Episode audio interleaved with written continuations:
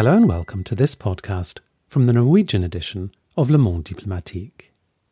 My name is George Miller, and my guest in this program is Andre Singer. Andre is Professor of Political Science at the University of Sao Paulo and was Press Secretary in the first Lula administration in the early 2000s. Parallels are perhaps all too easy to draw between Brazil under President Jair Bolsonaro and Trump's America both countries run by men fixated on their own re election and dismissive of the seriousness of COVID 19, despite their nation's soaring death tolls. Both at war with their judges, mayors, and state governors, hostile to their media, and increasingly hard line in their rhetoric. But with the help of Andre, I wanted to look at what makes Brazil distinctive, at its own particular form of authoritarianism by stealth because, as he writes in his recent article in Le Monde Diplomatique, the COVID 19 pandemic has enabled Bolsonaro to accelerate his erosion of Brazilian democracy. And at the same time, the composition of the president's support base seems to be undergoing a significant shift. Is there a plan to Bolsonarism behind staying in power and undermining democracy? We'll return to that. But with the coronavirus still ravaging his country when we spoke on the 10th of August, I began by asking Andre about Brazil's experience of the pandemic. Uh, Brazil is dealing very, very bad with the pandemic. Uh, we are the second country with the largest number of deaths owed to the coronavirus. Above us, it's only the United States of America. And uh, we have in common with the United States a president who practices denialism. He denies the danger that the virus represents for the for the people, and he has done lots of actions and measures to keep uh, everything working. Specifically, he, he was all the time trying to keep economy going on, and we know, as the World Health Organization says, that if you don't keep people in their houses in the beginning of the pandemic, things are going to be very, very bad. Nowadays, we have around uh, a thousand deaths every day, which is a very, very big figure. And we don't know how this is going to end. Yesterday, it was a very sad day in Brazil because we hit the number 100,000 deaths. So we are really very worried, very, uh, very sad, and we are, we are mourning our dads here in Brazil. And given that situation, are people blaming the president, Bolsonaro, directly? Are they seeing this terrible death toll, this lack of concerted, effective response to the pandemic? Are they seeing him as absolutely the person who's responsible for it, or do views uh, vary? According to the last uh, poll that I have, which uh, is around a month ago, more or less uh, half of the people were blaming uh, Bolsonaro for what, what is happening in Brazil. They, they said that his conduct during the pandemic is very bad or bad. But we have 26%, uh, which approves his conduct uh, during the disease. And we have uh, 24% which are in the middle between this half which condemns and this uh, one third which says that it's okay. So i would say that uh, the the majority of the people condemns the president and knows uh, more or less what is happening. But we have uh, still a phenomenon which is a little bit surprising that one third of the country still supports uh, the president, even if all those things had happened here, and uh, something like one fourth of the of the electorate, which is in the middle, more or less, we could say that um, people are disapproving, but not everybody. So your article in Le Monde Diplomatique is really interesting because it talks about how the character, the the speed with which Bolsonaro seems to be moving towards greater authoritarianism, that seems to have become quicker in the last few months um, around the time of the pandemic and, and going forward. And there seems to be a, some sort of shift beginning to happen in his regime. And I wanted to talk about some of the aspects of that for a moment. Democratic institutions, checks and balances, of course, are really important when you have a president who has that kind of authoritarian tendency. And maybe one of the most important is the judiciary. Can you say what Bolsonaro has been has been doing? What his what his stance has been to your country's judiciary, and in particular the Supreme Court? Before that, just for a moment, I would like to remark that uh, I'm using a concept which uh, comes from the last book of uh, the political scientist Adam Przeworski, which talks about uh, subversion by stealth, which is, uh, I think, something that describes very well uh, what is happening today in Brazil. And I think that maybe it describes also what's happening in Poland and Hungary and other countries in the world. So, everything that I'm going to say is happening more or less clearly. Some things are very clear, others are not so clear. So, for example, you know, the military doesn't suddenly take charge. You don't see tanks on the streets, but you see a sort of process of erosion of democratic institutions and freedoms and, and possibilities. Yes, that's a perfect description. And I would say, as you mentioned, the military, I would say that this is a good example because there's no tanks in the streets, there's no shooting, but you have now more of the, the half of the ministry in the hands of militaries again. So they are coming uh, slowly, but they are coming all the time. And so we have a kind of military government in Brazil, but which is not exactly a military government, you know, because you could say that the militaries have the right to be in government. That's a constitution. It's not uh, a break with the laws uh, if they are out of, of service, let's say like that. They are retired. It's completely normal that they they can be in, in government. They can be government officials.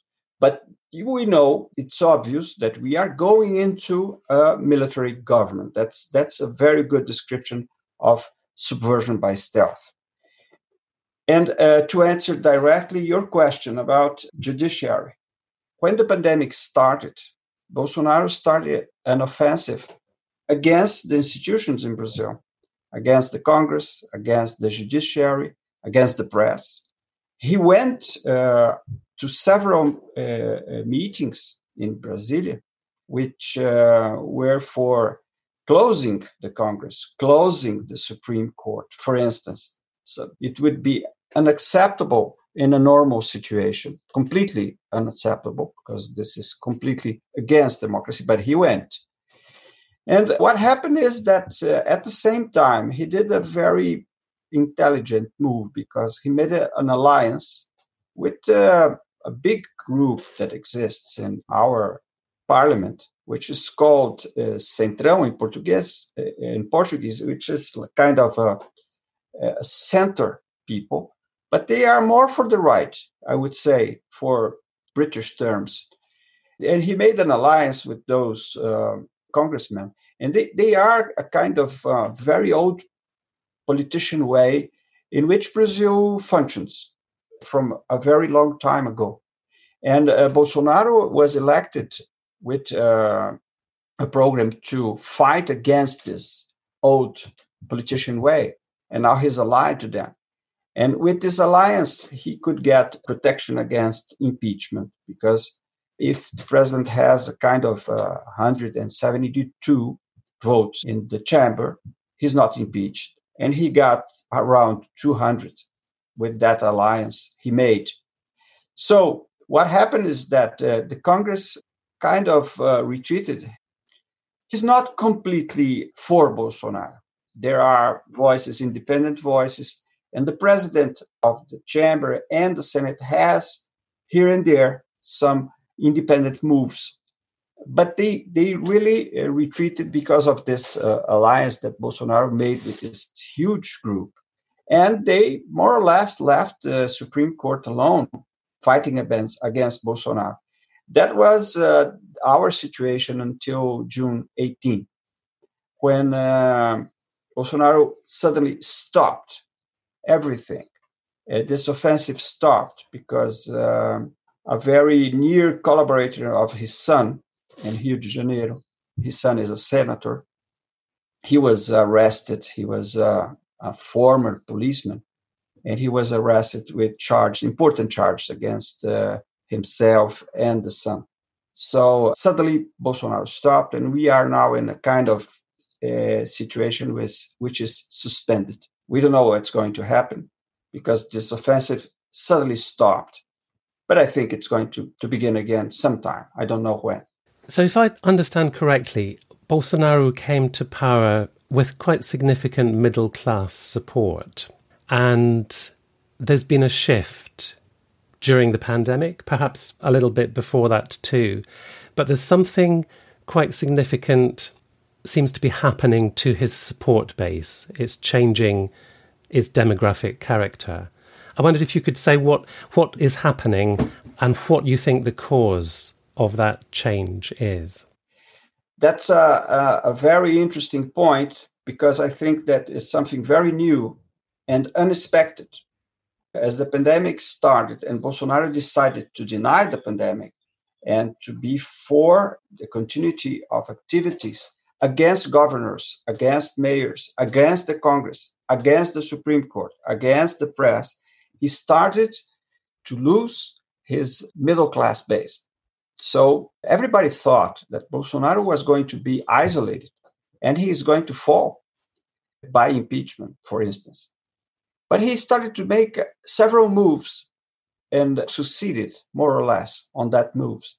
First was that alliance I told you before about uh, with this uh, huge group in the chamber and in the Congress in general.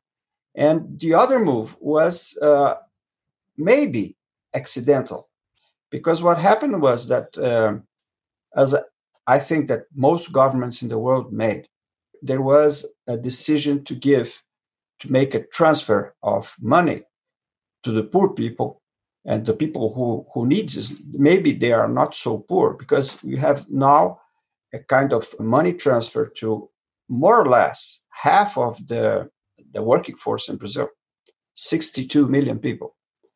But the interesting thing is that uh, the government, Bolsonaro government, had proposed a very small amount, 200 reais.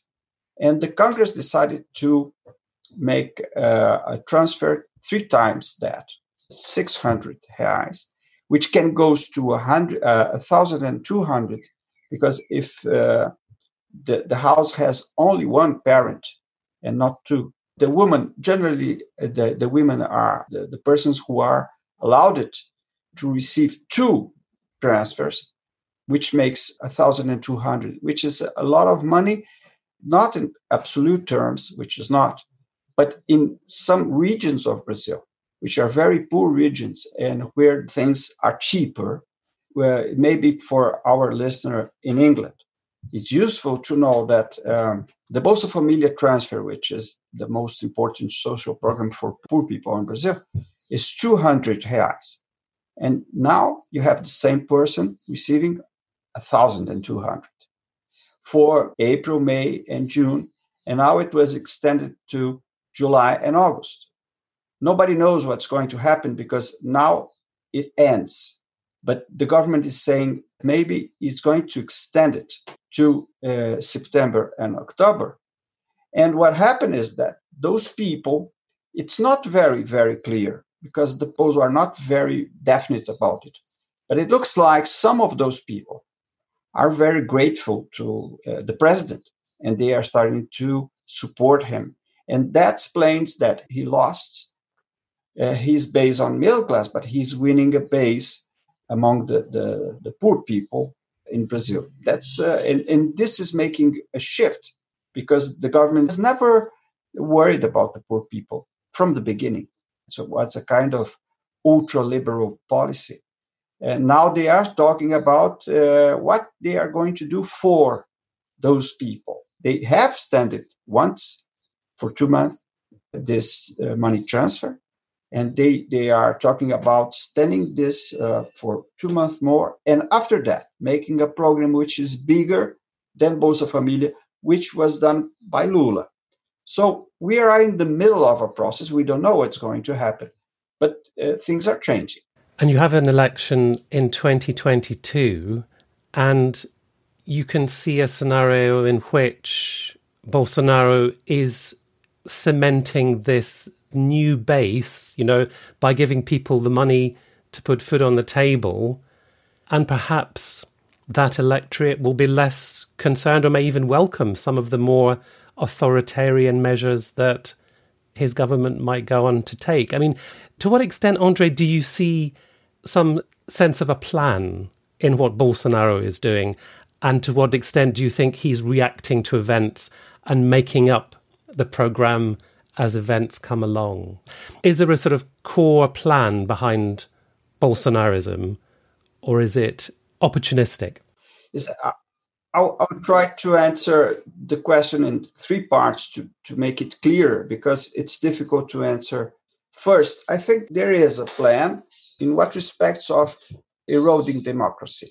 He was more or less clear about that in the campaign, more or less, like I think it is in uh, United States. You know, there were menaces to democracy. There were lots of rhetoric against democracy at the same time, he says he's a Democrat and he, he wants to fight against the left, and, and the left is, is not democratic, and this whole thing. But this is more or less what uh, I think our listener uh, knows about the politics all around the world. The second thing is during the pandemic, I would say that there was a lot of accidental facts, things that were not planned. The pandemic was not planned it happened suddenly. Nobody thought that this was going to be how it's uh, working, and and clearly Brazil was not prepared. So I think, as I said before, first of all, the government proposed 200 reais uh, for uh, the money transfer, and it was changed by Congress, and it was led by the left, and the left wants that the money transfer uh, stays on 600 and and should be extended a long time further because uh, the left knows that the people needs it very very much at the same time there was uh, this uh, very uh, unexpected decision by the president which was to throw away the justice minister which is was uh, a judge a former judge Sergio Moro, which was very, very important for his election. And he did it because uh, he wanted, I think, to control the what should be called our FBI, Polícia Federal in Brazil. And, and he lost support in the middle class. But he is now getting support from people which never supported him. That's, I think, more or less accidental. And the third uh, part of my answer is to say if there is a core of the whole thing, is that Bolsonaro wants to be reelected in 2022. That's absolutely clear. And that election is going to be very, very important because if he is reelected, that will legitimate everything that's happening in Brazil. So it's a very, very important election, and he is decided to win. And if there is a plan, Andre, is Bolsonaro the architect of the plan, you mention in your article this idea of the lightning conductor, which seems to suggest that behind Bolsonaro are larger military interests who perhaps see him as an instrument rather than an architect. That's a very good question, and I'll try to answer again in two parts. First of all, Bolsonaro is a leader. Is a strange kind of leader because sometimes he says things that looks like nonsense. But anyway, uh, from my point of view, he knows what he's doing. He's trying all the time to call attention upon himself. He's trying to lead and to mobilize a group. The post shows that he has something like 15% of people who is really Bolsonarista. they are not 30%, but maybe 15% yes. On the other way, that's the second part of my, my answer that military participation is enigmatic. Academia was surprised, but what is happening in Brazil, we never thought the military were going to come back. We really were convinced that that was something of the past in Brazil, something that stopped in the 80s and after 20 years of military regime. And we really thought that that was never, never going to happen again. I'm very unhappy to say that we are wrong and they are coming back, but it's not clear how they are coming back and exactly what they want and who they are. And if they really have support from the active forces or if they are more retired military people who decided to support the government. You've described several ways in which Bolsonaro is eroding Brazilian democracy in in really profound ways. And I wanted to ask you about what forms of resistance and opposition there might be in the country. And I guess I guess I was thinking about three different arenas in which we might think about opposition. One would be within the political institutions and structures themselves, which is clearly undermining. Another might be at the grassroots popular movement level and perhaps unions. And finally, the press. And I wondered if you could say a little bit about each of those different arenas and, and what kind of opposition is there with thoughts of the 2022 election on the horizon. Thank you very much for the excellent question. If you allow me, I'll start with the press. Because really, there is something very, very interesting in that field.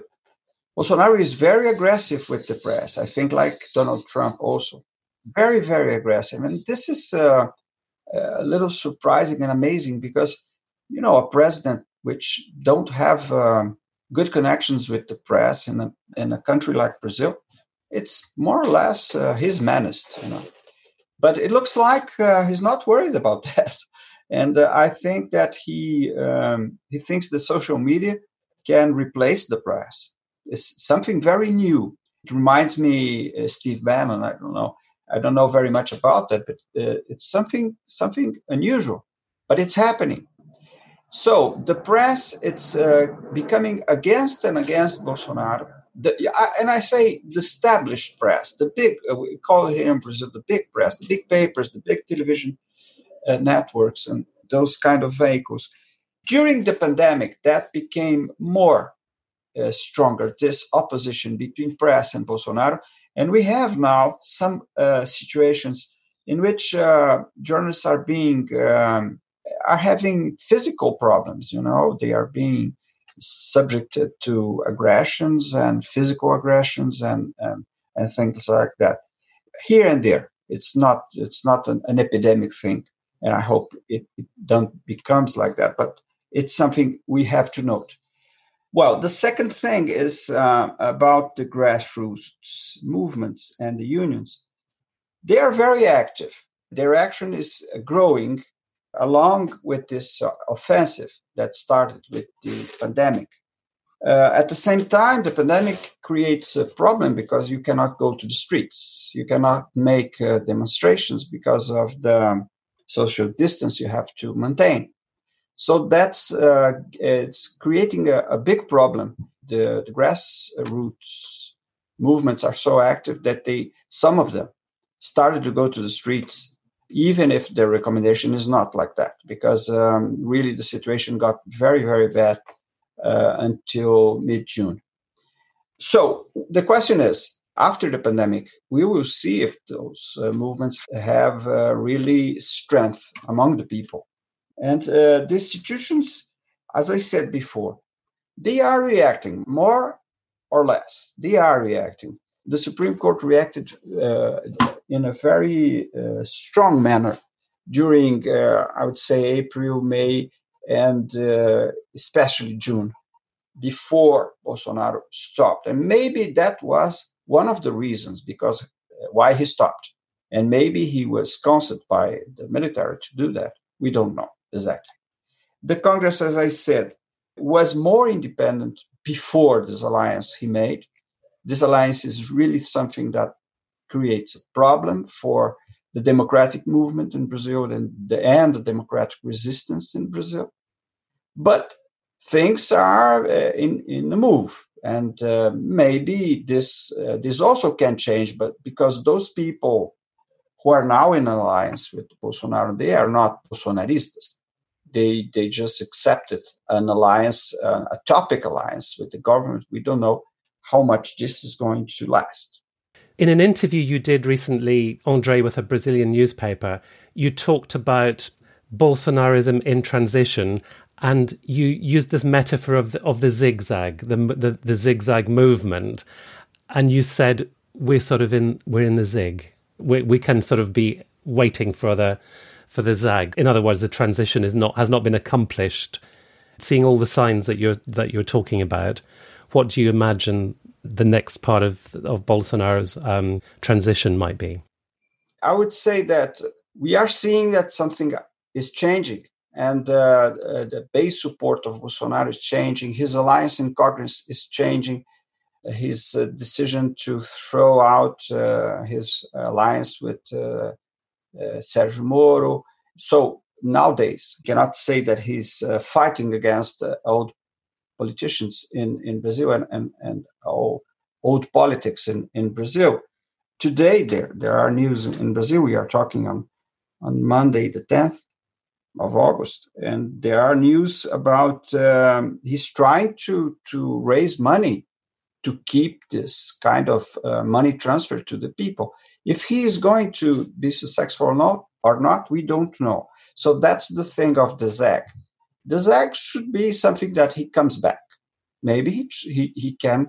Uh, he's not successful, and he tries to come to come back. And he's if he's he's going to be successful in coming back, we uh, still don't know. That's the question of the the zigzag.